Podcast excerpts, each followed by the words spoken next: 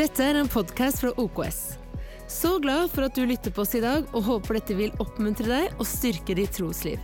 Nyt budskapet sammen med oss. Eh, I nedtelling til takknemlighetssøndag så har vi eh, temaserien 'Jesus fornyer', og vi har eh, de tre, tre søndager med ekstra fokus på økonomi.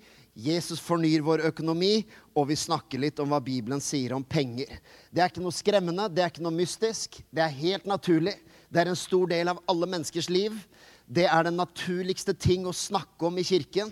Eh, det er ikke noe vi snakker for mye om. Det er heller noe som vi kvier oss litt for å snakke om, for vi er redd av og til for hvordan blir vi oppfatta hvis vi snakker om penger i kirken. Men det er en så stor del av livet. Det finnes ting i Guds ord som du kan ta med deg fra du er liten til du er tenåring, til du er voksen. Og vi er veldig glade i dag for å lese fra 1. Timoteus brev, kapittel 5. Kapittel 6. Du kan slå opp der imens hvis du har fysisk bibel med deg, eller digital bibel. Bare slå litt hardt på iPhone. Funker den ikke, skru den av og på. Og så finner du fram til 1. Timoteus 6. Det er en god timing denne uken å snakke litt om økonomi. Det har vært planlagt hele året at det skulle være nedtelling til takknemlighetssøndag. Men jeg ser at mange av dere er jo i stor sorg etter statsbudsjettet denne uka.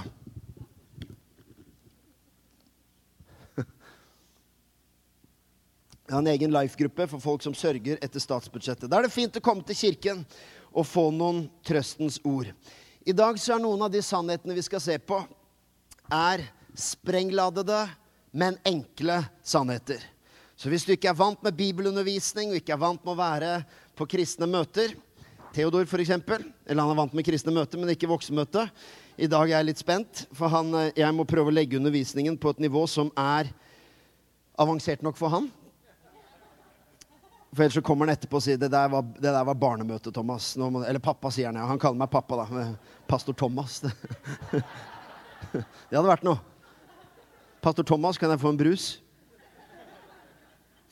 Det er enkle sannheter, men det er, det er også noen, noen, Det er sånn at Av og til så er det også de enkleste sannhetene som krever mest åpenbaring. For de er så enkle at vi av og til kan overse dem. Men det er noen enkle ingredienser, tre ingredienser som kan fornye, vil fornye din økonomi for alltid. Så Det er enkle sannheter, men det er også noen godbiter. Noen bitte små dypdykk til deg som liker det også. Noen godbiter. Det er sånn som vi gir til hamsteret vårt hjemme. Så gir man helt ikke godbit vi gir til hamstere. Ja. Så det er, er det noen her som har lyst til å kjøpe et hamster, forresten? Så skal du få en veldig god pris. Eller la meg si, er, er det noen som vil ha et hamster? Hvor mye skal du ha for å ta imot et hamster, er mitt egentlige spørsmål. ja, vi får se da, når Herren tar han hjem. Men han skal få noen godbiter før den tid. I 1. Timoteus 6 så skriver apostelen Paulus til sin medarbeider eh, Timoteus. Og så skal vi lese noen utvalgte vers, men vi begynner i vers 5, hvor Paulus snakker om en gruppe mennesker. Han sier mange ting om de, vranglærere. Men så sier han følgende De tror at gudsfrykten er et middel til vinning. Den setningen må vi bare la stå der bitte lite grann. Hva er det Paulus snakker om? De tror at gudsfrykten er et middel til vinning. Dette var tidlige herlighetsteologer som åpenbart tenker at tjenesten for Gud er en mulighet for økonomisk gevinst. Det ordet gudsfrykt det er vanskelig å oversette fra gresk. Det står av og til Det fins ett ord som oversettes gudsfrykt, og det står gudsfrykt. Dette ordet på engelsk står det 'godliness'. Og det, det har egentlig å gjøre med gudstjeneste, ærbødighet, å være beundring av Gud. Det er ikke å være redd for Gud. Det kunne like gjerne vært oversatt 'tjeneste for Gud'. Og Paulus beskriver disse som tenker at tjeneste for Gud er en mulighet for økonomisk gevinst. Da tenker han også på forkynnere og apostler som så på det kristne arbeidet virkelig som en arena for business. Paulus gir et herlig tilsvar med et lite ordspill. For i neste setning så sier han følgende i vers 6.: Gudsfrykt med nøysomhet er en stor vinning. Så han sier først det fins noen som tror at tjeneste for Gud er for økonomisk gevinst. Og så gir han, gir han et tilsvar og sier ja, tjeneste for Gud med tilfredshet, contentment på engelsk, det er en stor gevinst. Så det er veldig bra. Vi skal bare notere oss den setningen til senere. For Paulus sier at det Bibelen har å si om økonomi, det Bibelen har å si om penger, er ikke en trussel mot din velferd. Er du med meg? Det er ikke sånn at du har ditt økonomiske liv og dine valg og din frihet, og så kommer Bibelen og skal legge litt press på hele pakka. Nei, Guds frykt med nøysomhet er en stor gevinst. Du har en stor gevinst i å sette Guds rike først i din forvaltning og i din økonomi og i ditt hjem. Så står det For vi hadde ingenting med oss inn i denne verden, og det er sikkert at vi ikke kan bære noe med oss ut. Når vi har mat og klær, skal vi være tilfredse med det. Kommer tilbake til det. Vers 10. For kjærligheten til penger er en rot til all slags ondskap. Vi hopper ned til vers 17. Pålegg dem som er rike i denne verden Det er jo alltid noen andre, ikke sant?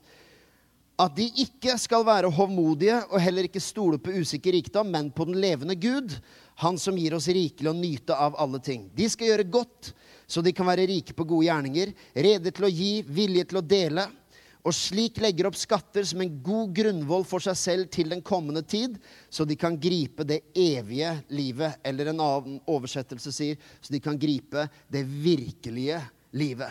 Det fins et liv her på jorden, og så fins det en evighet og et åndelig liv som er det virkelige livet. La oss begynne med Bibelens mest feilsiterte vers. Vi har vært innom det før. Er det noen som har hørt 'penger er roten til alt ondt'? Det er nesten sånn klistremerkeslagord. Og noen tror at dette er hva Bibelen sier. Det står ikke at penger er roten til alt ondt. Og det er kanskje et av de mest feilsiterte versene. Det det står, er at kjærligheten til penger er en rot til all slags ondskap. Og da, folkens, kan vi puste letta ut. For da gjelder det jo heldigvis ikke oss. Hadde det vært penger er roten til alt ondt, hadde vi alle vært i trøbbel. Men siden det er kjærligheten til penger som er roten til alt ondt, så slapp vi unna denne gangen også. Amen. Da kan lovsangene komme opp. Eller gjelder det oss? Hvordan vet jeg det? Hvordan vet jeg om jeg har kjærlighet til penger? Som vi har vært inne på i serien, skal ikke gjenta det. Økonomi er et område med stort potensial for blindsoner i livene våre. Det fins en åndelighet ved det fins en kobling mellom det åndelige og det materielle. Og i det så beskriver Jesus bl.a. i Matteus 6 hvordan det har å gjøre med øynene våre og hvordan vi ser. Men når det gjelder kjærlighet til penger, så fins det en ganske god definisjon i Bibelen. Fra Gamletestamentet. Ett vers som vi straks skal se på. Det som er interessant, er at hvis jeg hadde spurt Du skal slippe å rekke opp hånda. Men hvis jeg hadde spurt i dag hvor mange tenker at litt mer penger i ditt liv og i din hverdag, litt høyere lønn, litt romsligere marginer, litt mer, hadde utgjort en forskjell og gjort livet ditt litt enklere og litt bedre. Ikke rekk opp hånda. Men jeg hadde rekt opp hånda. Litt mer, ja. Det hadde gjort livet litt smidigere. Litt flere valgmuligheter. Litt bedre på et og annet område. Det som jeg har oppdaga, er at når du går i én fase av livet og tenker at hvis jeg hadde hatt litt mer, så kunne vi gjort dette. Så kommer du til en fase av livet hvor du er så velsigna og så heldig at du har litt mer. Og hva tenker du da?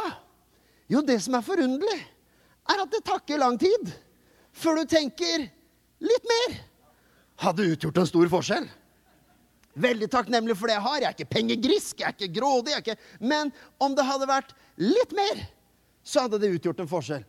Og så er du så heldig at livet går videre, og nå kanskje spesielt dere som er i eh, hva skal jeg si, arbeidsalder. Det fins både pensjonister her, og det fins ungdommer som kanskje ikke har inntektsutvikling på den måten. Men man kommer litt videre, og så har man litt mer, og så tenker man eh, det er veldig, veldig bra. Jeg lurer på hva jeg hadde gjort med litt mer.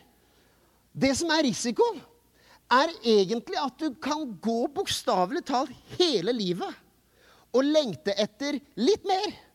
Inntil den dagen kommer at det nærmer seg, og man innser at jeg får ikke med meg noen ting med meg videre herfra. Ingenting, sier Paulus, får vi med oss. Det har jeg hørt en vits om det. Vet ikke om jeg skal ta den. Jeg tar den. Trengte ikke lang tenketid. Det holder at Kjartan sier jo da. Uh, det var en som eh, var en rik mann. Han hadde holdt av en del eh, penger. Eh, eller han tenkte at når han dør, så skal han legge kofferten på loftet. Sånn at når han blir tatt med opp til himmelen, så skal han på vei opp, når hans ånd blir rykket opp, så skal han grabbe med seg den kofferten med cash og ta med seg opp til himmelen. Mannen dør, og kona hun var helt oppgitt over hans valg.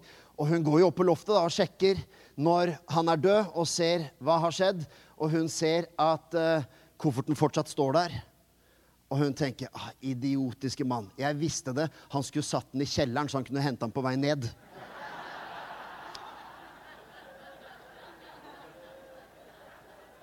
Men her her er en definisjon på kjærlighet til penger. Forkynnerens bok 5.10. Den som er glad i penger, blir aldri mett på penger. Den som elsker rikdom, får aldri vinning nok. Hør her. Jeg vil du skal forstå at vi er 100% for å tenke vekst, utvikling, innovasjon. For deg som driver selvstendig og driver business, så er det helt naturlig å tenke vekst. For en kirke er det også naturlig å tenke hvordan kan vi få litt mer inntekt? Så det er ikke en syndig tanke i seg sjøl, men det er en interessant definisjon. At blir, penger har den egenskapen ved seg at det er veldig få mennesker som på noe tidspunkt i livet stopper opp og sier jeg, jeg, jeg er ikke sulten på litt mer. Det er nok. Det er noe med økonomien som gjør at det, det, det, det, stopper egentlig aldri den lengselen. Og plutselig er det bibelverset litt nærmere likevel. Derfor tror jeg i det avsnittet som Paulus underviser Det er veldig veldig bra kapittel. Gå hjem og les det enda grundigere enn vi gjorde nå. Men derfor tror jeg det er tre ingredienser han peker på som Jeg skal til og med bruke et ord som helbreder vår økonomi. Renser vårt forhold til penger. Vi er allerede rensa og tilgitt i Jesu blod, selvsagt. Men i alle de her tingene som kan binde oss og holde oss fast og bli blindsoner og, og, og Husk, gudsfrykt med nøysomhet er en stor vinning. Det er en gevinst. Det er ikke en trussel mot din velferd, det er en frihet for ditt liv og ditt økonomiske liv å oppleve Guds plan for deg og oppdage den. Så du må ha forventning til hva Guds ord sier. Men det fins en gevinst i det, og jeg tror at de ingrediensene som Paulus peker på, er med å både sette oss fri, gjøre oss litt gladere, gjøre oss litt mindre avhengige og litt mindre hekta på litt mer, og bruke det som målestokk for lykke og glede osv. La oss se på det. Det er tre ingredienser, og den første er veldig enkel takknemlighet. Takknemlighet er fantastisk. For en guddommelig, overnaturlig, enestående, gnistrende, fantastisk ting å være takknemlig. Det er en kraftfull sak. Hvordan går det an å leve som kristen og ha tatt imot all nåde, fått frelse, rettferdighet, fått Gud selv som steg ned fra tronen, ble menneske, tok imot spott, tok imot elendighet, tok imot smerte, åndelig, fysisk, sjelisk, hang på et kors, ga alt for oss. Og det står han som ikke sparte sin egen sønn. Hvordan skulle han kunne annet enn å gi oss alle ting med han. Hvordan er det mulig å tro på et sånt evangelium og ikke leve i takknemlighet? Takknemlighet er nesten motoren og drivkraften fra dag én i det kristne livet. De mest takknemlige menneskene jeg møter, vet hvem det er? Det er de som nettopp har kommet til tro på Jesus. Der sitter tårene løst. Og Det er ikke det at vi alle må være emosjonelle hele livet, men det sier noe om hva nåden gjør, hva evangeliet gjør med mennesker.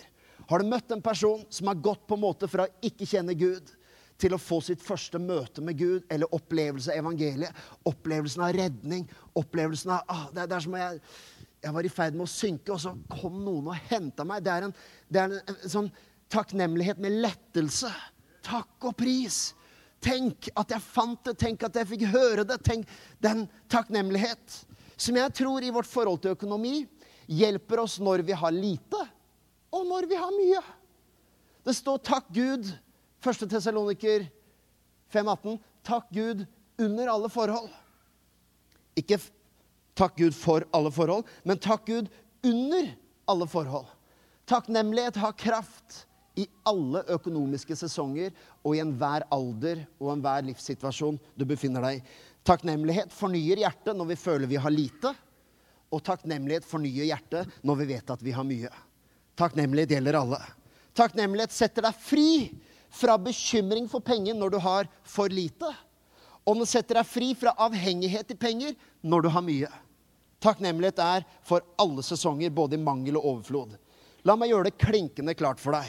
1. Timoteus brev 4 og vers 4-5. Uansett hva vi skal si i denne undervisningen, så skal du vite én ting i OKS.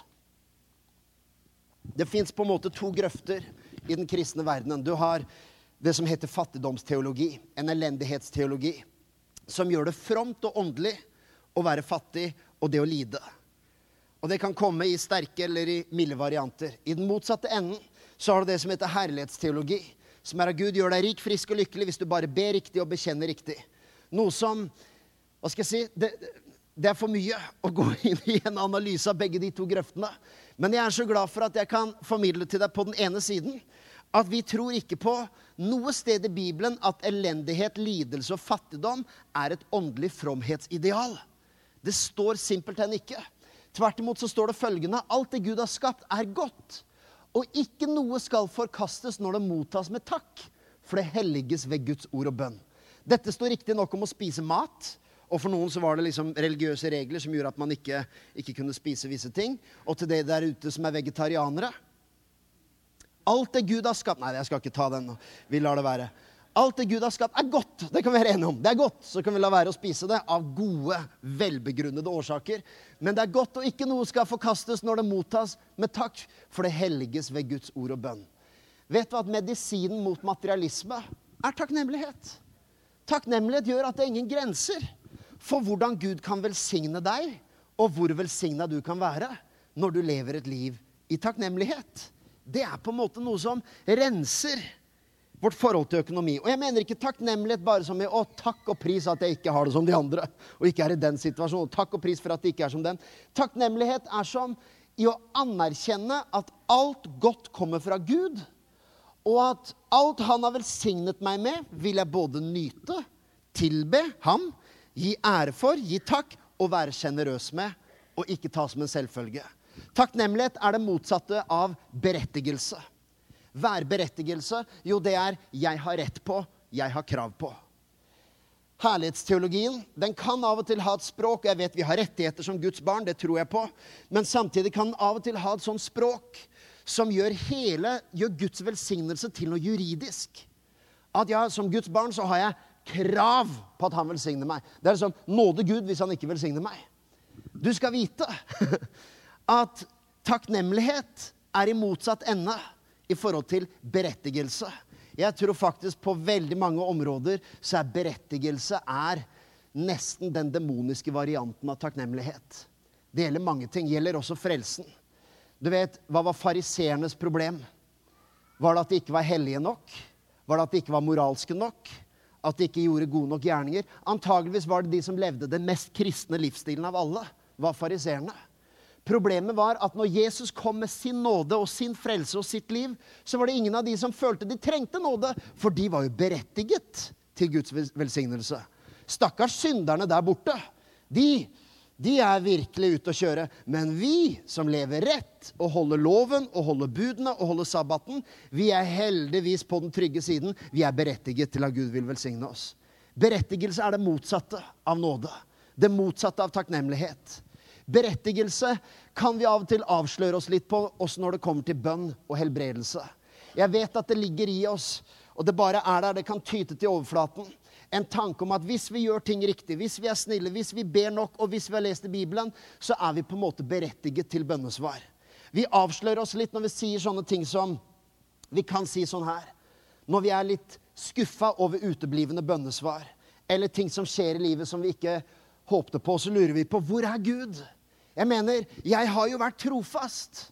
Jeg har gått på møte, jeg har, jeg har, lest, jeg har studert, jeg har hørt undervisning. Likevel skjer dette her. Det er som om vi tror at Guds velsignelse er en transaksjon.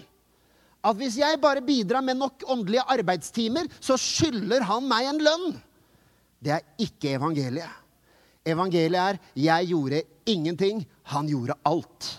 Jeg er i posisjon av å ta imot, og på det fundamentet så kan jeg tjenestegjøre, så kan jeg studere, så kan jeg granske, så kan jeg være med Gud, så kan jeg være på gudstjeneste, så kan jeg bli med på team og tjenestegjøre i kirken, så kan jeg være sjenerøs med det jeg har gjort. Men ingenting av det setter meg i noen slags belønningsliste hos Gud, verken for helbredelse eller andre velsignelser.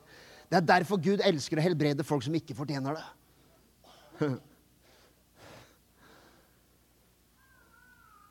I forhold til økonomi så er takknemlighet i motsatt ende av berettigelse. Det er en stor vinning, gudsfrykt, med nøysomhet. Det er en stor vinning. Det er en gevinst i å oppdage den friheten som er i Gud på det området. Kan jeg få lov å raljere bare i to minutter, så skal jeg komme tilbake til det konstruktive. Jeg syns synd på mennesker som ikke har Guds, Guds dimensjon i økonomien sin. Jeg syns synd på dem. Hvordan da? Jo, for jeg ser jo i disse tider hvor skal man bedømme på overskriftene i avisene man leser, så høres det ut som vi alle er i ferd med å sulte i hjel. Hele Norge er i ferd med å dø. Det er nesten sånn. Det er panikkoverskrifter, og det er greit nok. Men jeg får medynk for den frykt og angst og bekymring som ser ut til å treffe mange i tida vår. Jeg forstår at for noen som sitter her i salen i dag, så er den helt reell.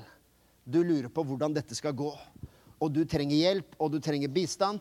Men, og Jeg kunne sagt masse til deg også, men jeg har lyst til å si en ting. Og det er at i, også i nedgangstider så må vi forstå at troens folk, som i alt annet, har en annen respons enn verden. Det er verdslig å bli redd. Du er kjødelig.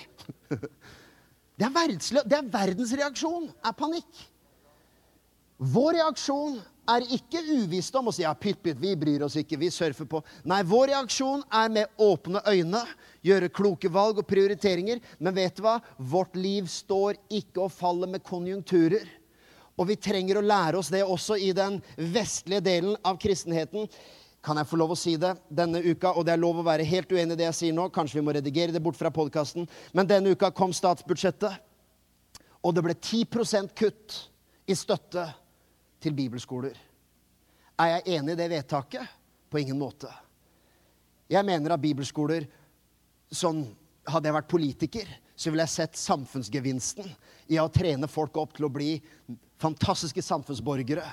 Lære seg Guds ord. Få grunnfestelse i troen. Jeg tror få ting har bidratt mer velsignelse inn i samfunnet enn at så mange troende i landet vårt har kunnet gå bibelskole. Men det er en kutt i støtten på 10 og jeg heier på alle som kjemper politisk for rettigheter, og som kjemper for økonomien til bibelskoler osv. Det er bra at noen kjemper for det, men kan jeg også få lov å si Du verden så lettskremte vi er! Er du med meg? Det høres ut for noen som at hele eksistensgrunnlaget vårt er trua. Man, noen kaller det kristendomsforfølgelse. Det er en fornærmelse mot de kristne som faktisk blir forfulgt at vår støtte går fra 75% til 65% av liksom, den vanlige elevstøtten, og vi kaller det forfølgelse. Hør her. Vi har en utrolig raus og god ordning, og vi må være takknemlige. Og vi skal love myndighetene, vi skal forvalte det så godt. Vi skal produsere fantastiske borgere som hjelper de fattige, utgjør en forskjell, hjelper de nødlidende, og som løfter kvaliteten i sitt nabolag. Det er hva som skjer med folk som går bibelskole. Så de skal få se at det lønner seg. Det er mitt løfte. Men ikke snakk om at vi skal krype i frykt og tro at vårt eksistensgrunnlag er truet. Jeg lurer på Heter det ikke bibelskoler, da? Er ikke dette trosinstitusjoner? Der vi skal lære elever på et smalt budsjett å stole på Gud, leve i hans forsørgning og i mirakler. Og så får vi helt kaldsvette når vi går fra 75 til 65% Som sagt, jeg heier på alle som kjemper for rettigheter, alle som jobber i kulissene, også lavmælt og høymælt, for at vi skal ha gode finansieringsordninger. Men det er viktig, jeg, jeg mener det er viktig at vi som kirke trenger vi, vi, vokst, vi har i Norge vent oss til at vi har stor tillit til Gud og staten. Men vet du hva? Kanskje er det simpelthen sånn at vi, vi, også må innse at nå blir vi innimellom litt testa også på hvor er vår kilde, og hvor er vår forsørger. Skal vi rope like høyt og klage like intenst hver gang den minste lille krona ikke faller på kirkens folk? Eller skal vi se OK, vet du hva, selv når staten ikke stiller opp sånn som vi er glade for og setter pris på, så skal du få se at Gud, han skal fylle all deres trang etter sin etter uh, According to his riches in glory. Etter sin rikdom på herlighet. Du skjønner, Jeg tror at det er en mulighet for Kirken å heller ha en kontrast. Og heller ha en annen respons. Og si OK, kanskje får vi ytre sett mindre å rutte med sånn sett, men bare vent og se. Vi skal gjøre mer for verden enn noen gang. Fordi Gud er vår forsørger. Det må jo være ryggmargsrefleksen. Og så håper jeg alle forstår bare gjentar det for sikkerhets skyld. Alle forstår at vi samarbeider også med myndigheter. Det er bra at det fins gode ordninger. Det er med å forløse muligheter. Og man må av og til omorganisere ting når, når, kanskje støtteordninger ikke er på plass sånn som man har vært vant med. Men grunnleggende så må vår respons, troens folk, må være en respons basert på Guds ord, og ikke at vi reagerer verdslig som alle andre. Jeg er mer bekymra for mangelen på støtte til rusinstitusjoner og rehabiliteringsarbeid, som er en tragedie. Og jeg kan ikke fatte og begripe hvordan man tenker. At man vil ta den kostnaden og den risikoen og ta støtte fra rusinstitusjoner for å bare se hvilken samfunnskostnad man får noen år lenger ned i løypa, med brutte familier, ødelagte hjem og ødelagte mennesker, det er et rent regnestykke som jeg bare ikke skjønner. Har egentlig ikke så mye med liksom, verken Bibel eller noe som helst. Bare, Det er logisk. Å frata evangeliesentrene eh, støtte, f.eks., det er ikke et samfunnsmessig smart regnestykke. Men da fikk jeg sagt det òg. Hør her. Når man ser hva nordmenn får panikk av, så er det åpenbart behov for litt perspektiver. Og vet du hva? Et kristent perspektiv her, det er et liv i takknemlighet når jeg har lite, et liv i takknemlighet når jeg har mye. Det var det Paulus sa. Jeg vet hva det er å lide nød, jeg vet hva det er å ha overflod. I alle ting er jeg innviet, sier han. Det er fantastisk. Jeg så bare litt sånn perspektiv. Jeg så bare se noen liksom, Strømprisene er én ting. Nå er de ganske billig. I dag er det bare å fyre opp alt som fins eh, av rom. Um, når jeg så en stor Ja, ikke, ikke Pyromaner må roe seg. Det var ikke det jeg mente.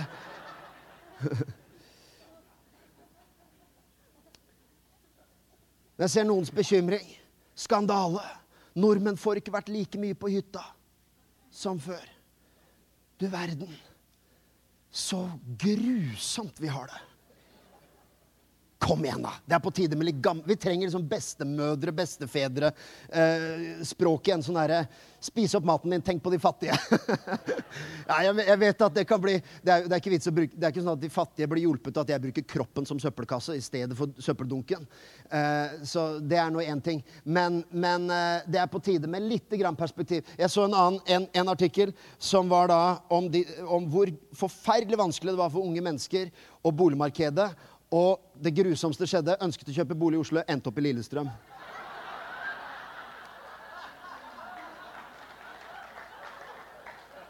Vet du hva? Tårene bare rant.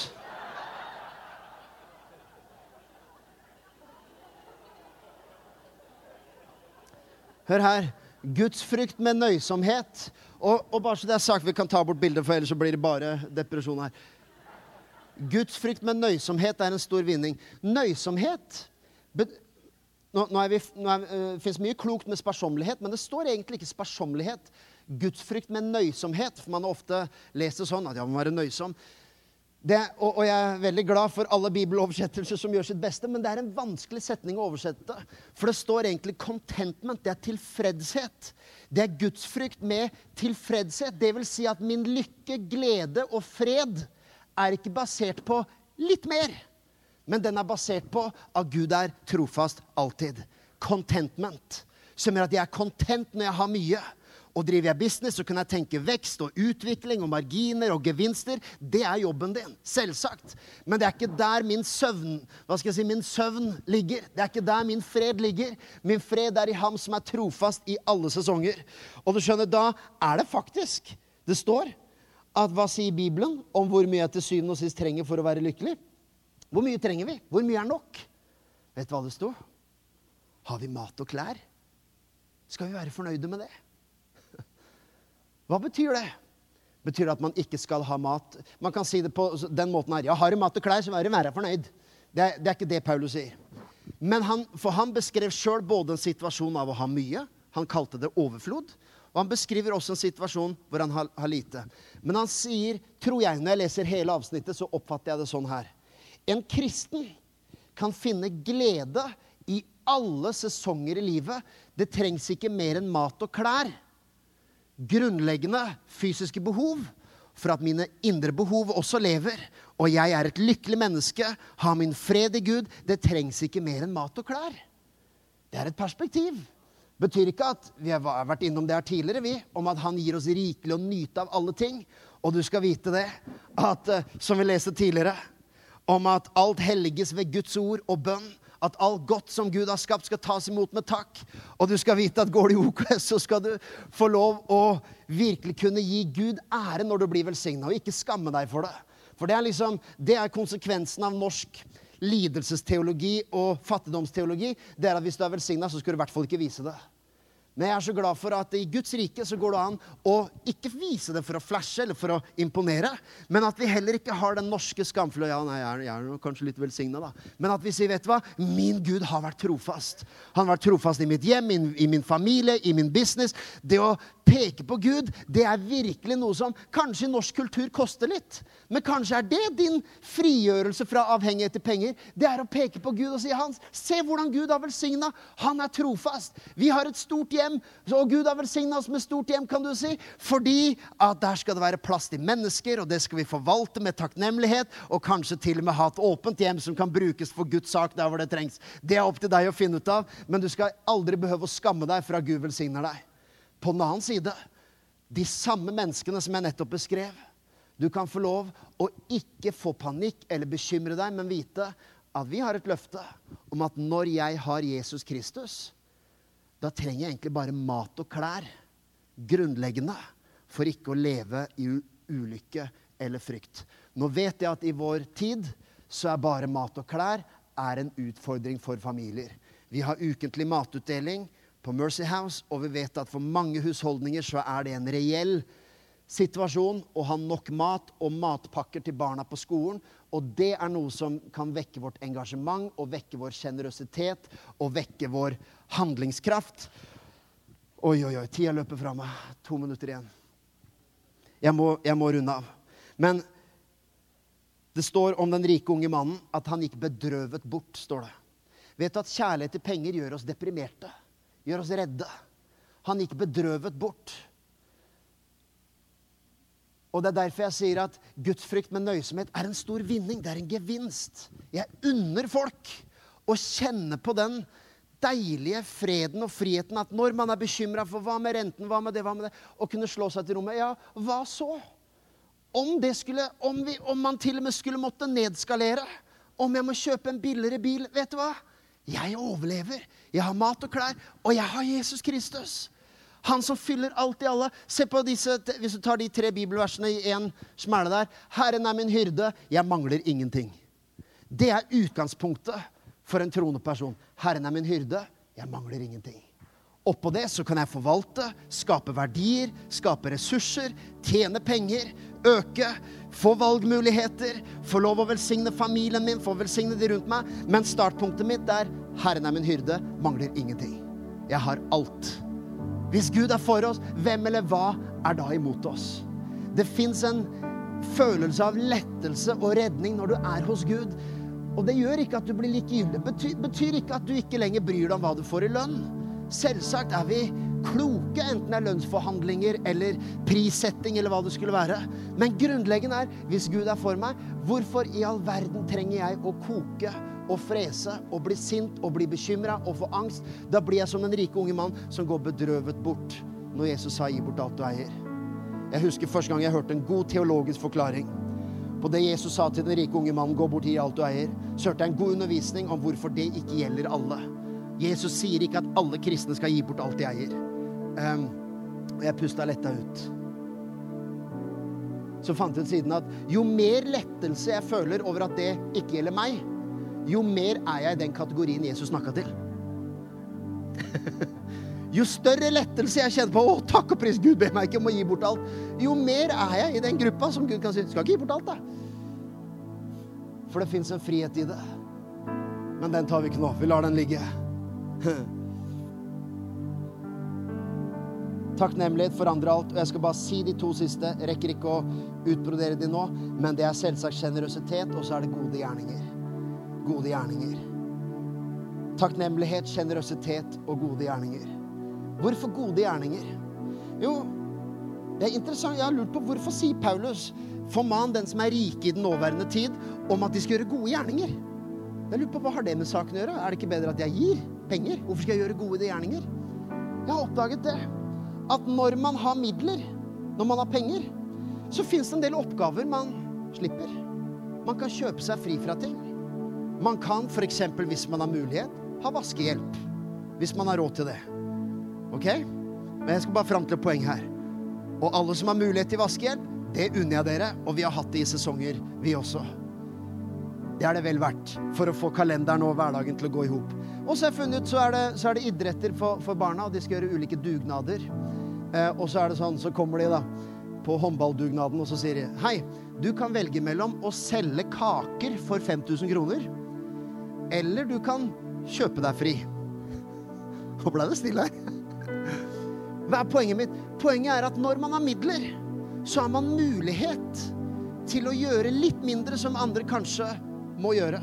Man har mulighet til å gi de 500 kronene for å ikke stille opp på den dugnaden. Eksempel. Man har mulighet til å kjøpe seg litt tid ved å ha vaskehjelp, f.eks. Alt det er helt fair og helt normalt å gjøres til og med over hele verden. Det er ok. Men det er også en av grunnene til at noe av det som renser, helbreder og skaper Guds rikes dimensjon i vårt forhold til økonomi, det er at den som er rike i den nåværende tid, altså stort sett de fleste av oss, som er topp 10% i verden, vi nordmenn, så er det å gjøre gode gjerninger er en hjelp til å frigjøre meg fra slaveri av kjærlighet til penger. Fordi jeg har muligheten kanskje å få hjelp her, jeg kan kjøpe meg noen timer der. Jeg har mulighet til å ta ferie, som andre kanskje som har mindre, må jobbe gjennom ferien for å få nok timer. Så er de som er velsigna, kanskje mulighet til å ta en god ferie og en lang ferie, og det er vel fortjent, og det er deg vel unt. Men det betyr også at enhver som er velsigna, så finnes det en dimensjon av at jeg er velsigna, skammer meg ikke over det. Men derfor kan jeg også gjøre gode gjerninger. Hva med å f.eks. melde seg til litt transport på matutdelingen vår? Og ta litt sjåførtjenester? Er det fordi, er det fordi du må? Er det fordi du tjener penger på det? Nei, det er fordi du vet at du er velsigna.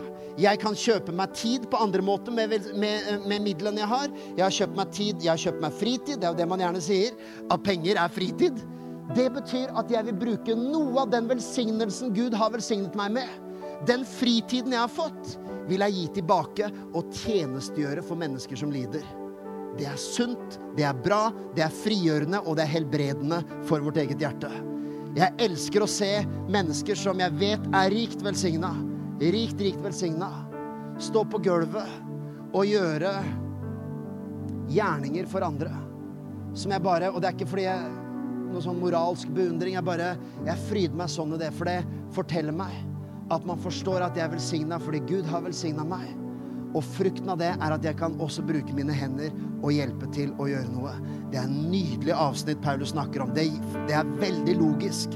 Utrolig rasjonelt. Faller helt på plass når du leser hele kapitlet. Så skjønner du yes, takknemlighet, sjenerøsitet og gode gjerninger er med å sette meg fri fra jaget og bekymringen og frykten og gjør at jeg kan vite at når jeg har Jesus Kristus, da mangler jeg ingenting. Amen? Amen. Tusen takk. Vi gir en applaus til Bibelen og til Paulus. Yes. Takk for at du tok deg tid til å lytte på en av våre podcaster fra OKS. Vår visjon er å bringe Jesus til mennesker i vår verden, og mennesker i vår verden til Jesus. Følg oss ellers på vår YouTube-kanal og sosiale medier. Du er velkommen til å besøke en av våre kirker. For mer informasjon, sjekk ut oks.no.